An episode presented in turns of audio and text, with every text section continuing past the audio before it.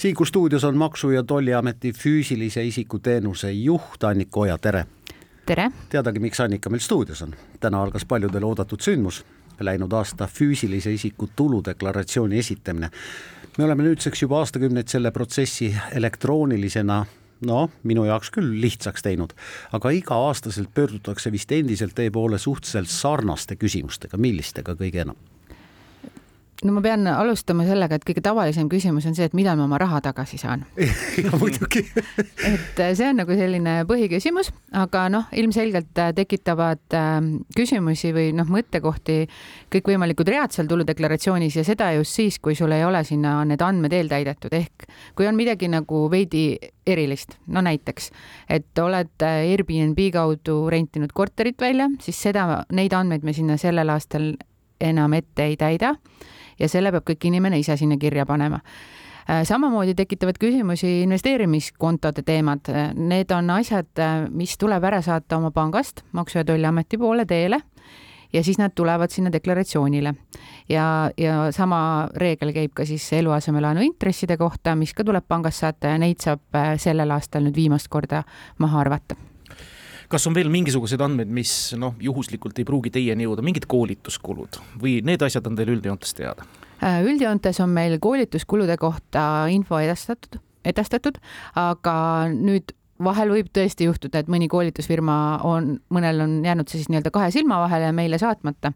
et siis on äh, selline reegel, et inimene, kui ta näeb, et tal ei ole seda kulu seal äh, deklaratsiooni peal, sest mu, muidu on nad kõik eeltäidetud, äh, siis ta peakski ühendust võtma selle koolitusfirmaga ja küsima siis sealt üle. et aga no neid juhtumeid on ikkagi ääretult harva. olen viimaste nädalate jooksul Tallinnas muide maksnud mitme teenuse sularahas, sellepärast et kaarti ei võeta kas äh, need teenused ikkagi jõuavad Maksu- ja Tolliametini? ma nüüd ei tea, kuskohast te maksnud olete täpselt. Äh, kui te olete näiteks kuskil platvormil, oletame, et on näiteks Bolti taksojuht, toon näite, on ju, et ja temale maksate sularahas, siis äh, tema sõidud on ikkagi nagu registreeritud ja platvormihaldur saadab meile selle kohta info. no kas need jõuavad, me tahame ikkagi uskuda, et eestlane on hea maksumaksja või Eestis elav inimene ja ta ikkagi deklareerib ka oma sularaha sissetulekud ja noh, see on inimese kohustus no naabrimehele laenatud kümnekas vist ei ole teieni veel jõudnud, aga no vaatame seda. no vast nii hulluks ei lähe ka. vast ei lähe nii hulluks ka. mis on äh, tulu deklareerides kodanikule just tänavusel aastal võrreldes varasemaga teisiti ja kui paljusid see võib puudutada? Äh, sellel aastal tegelikult äh, väga suuri erinevusi ei ole võrreldes eelmise aastaga, noh, tegelikult jah, võiks isegi öelda, et ei olegi, et äh, suhteliselt sama lugu. et muudatusena võib-olla, mis, mis paistab teistmoodi deklaratsioonidelt väljagi, on see, et pensionäridele, vanaduspensionäridele siis kehtestati eelmisest aastast erinev maksuvaba tulumäär nii-öelda tavalisest tööl, töölkäijast ja nemad noh, ütleme see, see on see muudatus, mis sealt siis välja paistab, on ju aga noh, reeglina pensionär ei peagi tuludeklaratsiooni esitama, aga noh, üle ta võib ikkagi vaadata, on ju, et kui ta on mingit lisatulu teeninud. Mis siis veel, noh, nagu ma siin ennem juba mainisin, et see aasta on siis viimane, millal saab neid eluasemelaenu intresse maha arvestada, kolmsada eurot, järgmine aasta seda enam ei saa. ja see on ka viimane aasta, millal saab kasutada alates teisest lapsest maksuvaba tulumäära ja ka samamoodi anda maksuvaba tulu üle oma abikaasale, et uuest aastast äh, seda enam teha ei saa. Mm kuidas ikka käib see maksuvaba tulu arvutamine ja arvestamine, noh, nõrgema matemaatikaga inimese mõistuse nagu mina, võib see krussi jääda. minul on õnneks vedanud, ma usaldan täiesti eeltäidetud deklaratsioone, ma väga palju tulu kuskilt kõrvalt peale põhitulu ei teeni, aga aga on see siis nii keeruline? no selle on keeruliseks teinud see, et äh, kui muidu oli meil kõigil nagu ühesugune tulumaksuvaba miinimum, on ju siis äh, mingil aastast kaks tuhat kaheksateist, kui tekkisid erinevad võimalused, et sa said siis noh, mingist sissetulekust alates sa pead nagu esimesest eurost tulumaksu maksma, aga no ütleme, et sa said nagu neid erinevaid tulumaksuvabasid määrasid valida, et see koht tegi nagu selle asja keeruliseks. no võib-olla nüüd, kui toetades praegustele uudistele, mis on riigis räägitakse, on ju, siis äh, ilmselt kahe tuhande kahekümne viiendast aastast on, on see meil kõigil jälle võrdne, seitsesada eurot, on ju, ja siis vanaduspensionärid jäävad erineva erinevasse rütmi. et, et siis võiks asi selgemaks minna.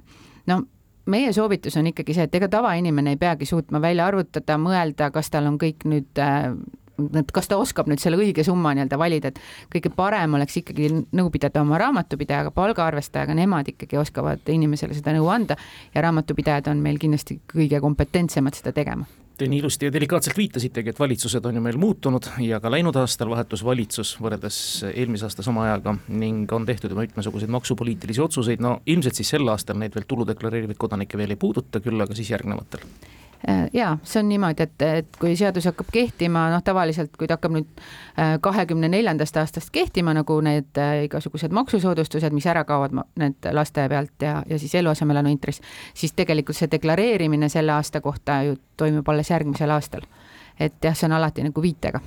aga teie soovitate ikkagi selle eeltäidetud tuludeklaratsiooni noh, nagu rida-realt läbi lugeda, et äh, mida eelkõige peaks seal jälgima või kontrollima?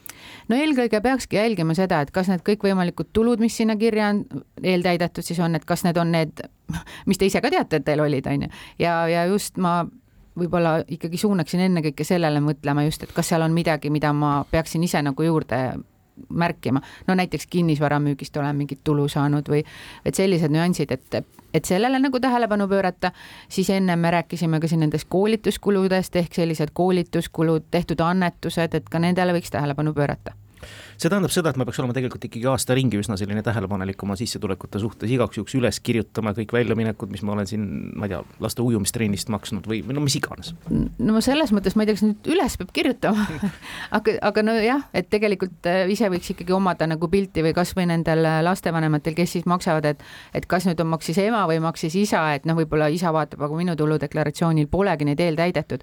et siis ongi oluline näiteks see, et, et sellised asjad nagu ikkagi eeltäidetakse selle vanema deklaratsioonile, kelle nimele või kellele tuleb siis see la, riiklik lastetoetus, näiteks mhm. selline nüanss. Aga neid saab üle anda, on ju, et kuna koolituskulu saab maha arvata, üldse mahaarvamisi saab teha kuni tuhat kakssada eurot, sageli täna on juba kõikvõimalikud trennid, võib-olla paljudel tasulised koolid juba nii palju kallimad, et siis on mõistlik vanemate vahel neid koolituskulusid nagu jagada, et noh, anda näiteks a la korvpallitrenn isale ja las ema maksab balleti eest, on ju. Mhm.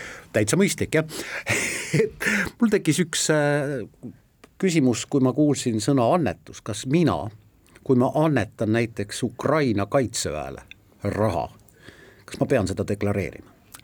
Teie seda ise deklareerima ei pea, küll aga ma kujutan ette, et see keegi vahendab seda, keegi vahendab seda, see mittetulundusühing äh, peab olema siis äh, noh, mittetulundusühingute nimekirjas, kes võivad üldse annetusi vastu võtta ja vahendada.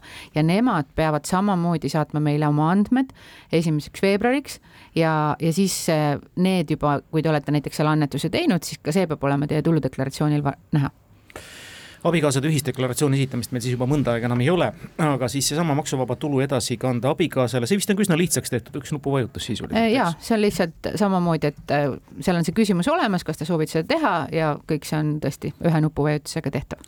kas Maksu- ja Tolliametini jõuab selline deklaratsiooni kohta ka kõik saadav tulu, mis on näiteks saadud teistest riikidest. kolmandatest. kolmandatest riikidest no,. näiteks kõige koht-. Timo peab Tbilisis loengu, talle makstakse laarides sularahas mingit honorari, te ei saagi sellest kunagi teada ju no meie eesmärk ei olegi kõiki asju maailmas. vabandust, Timo.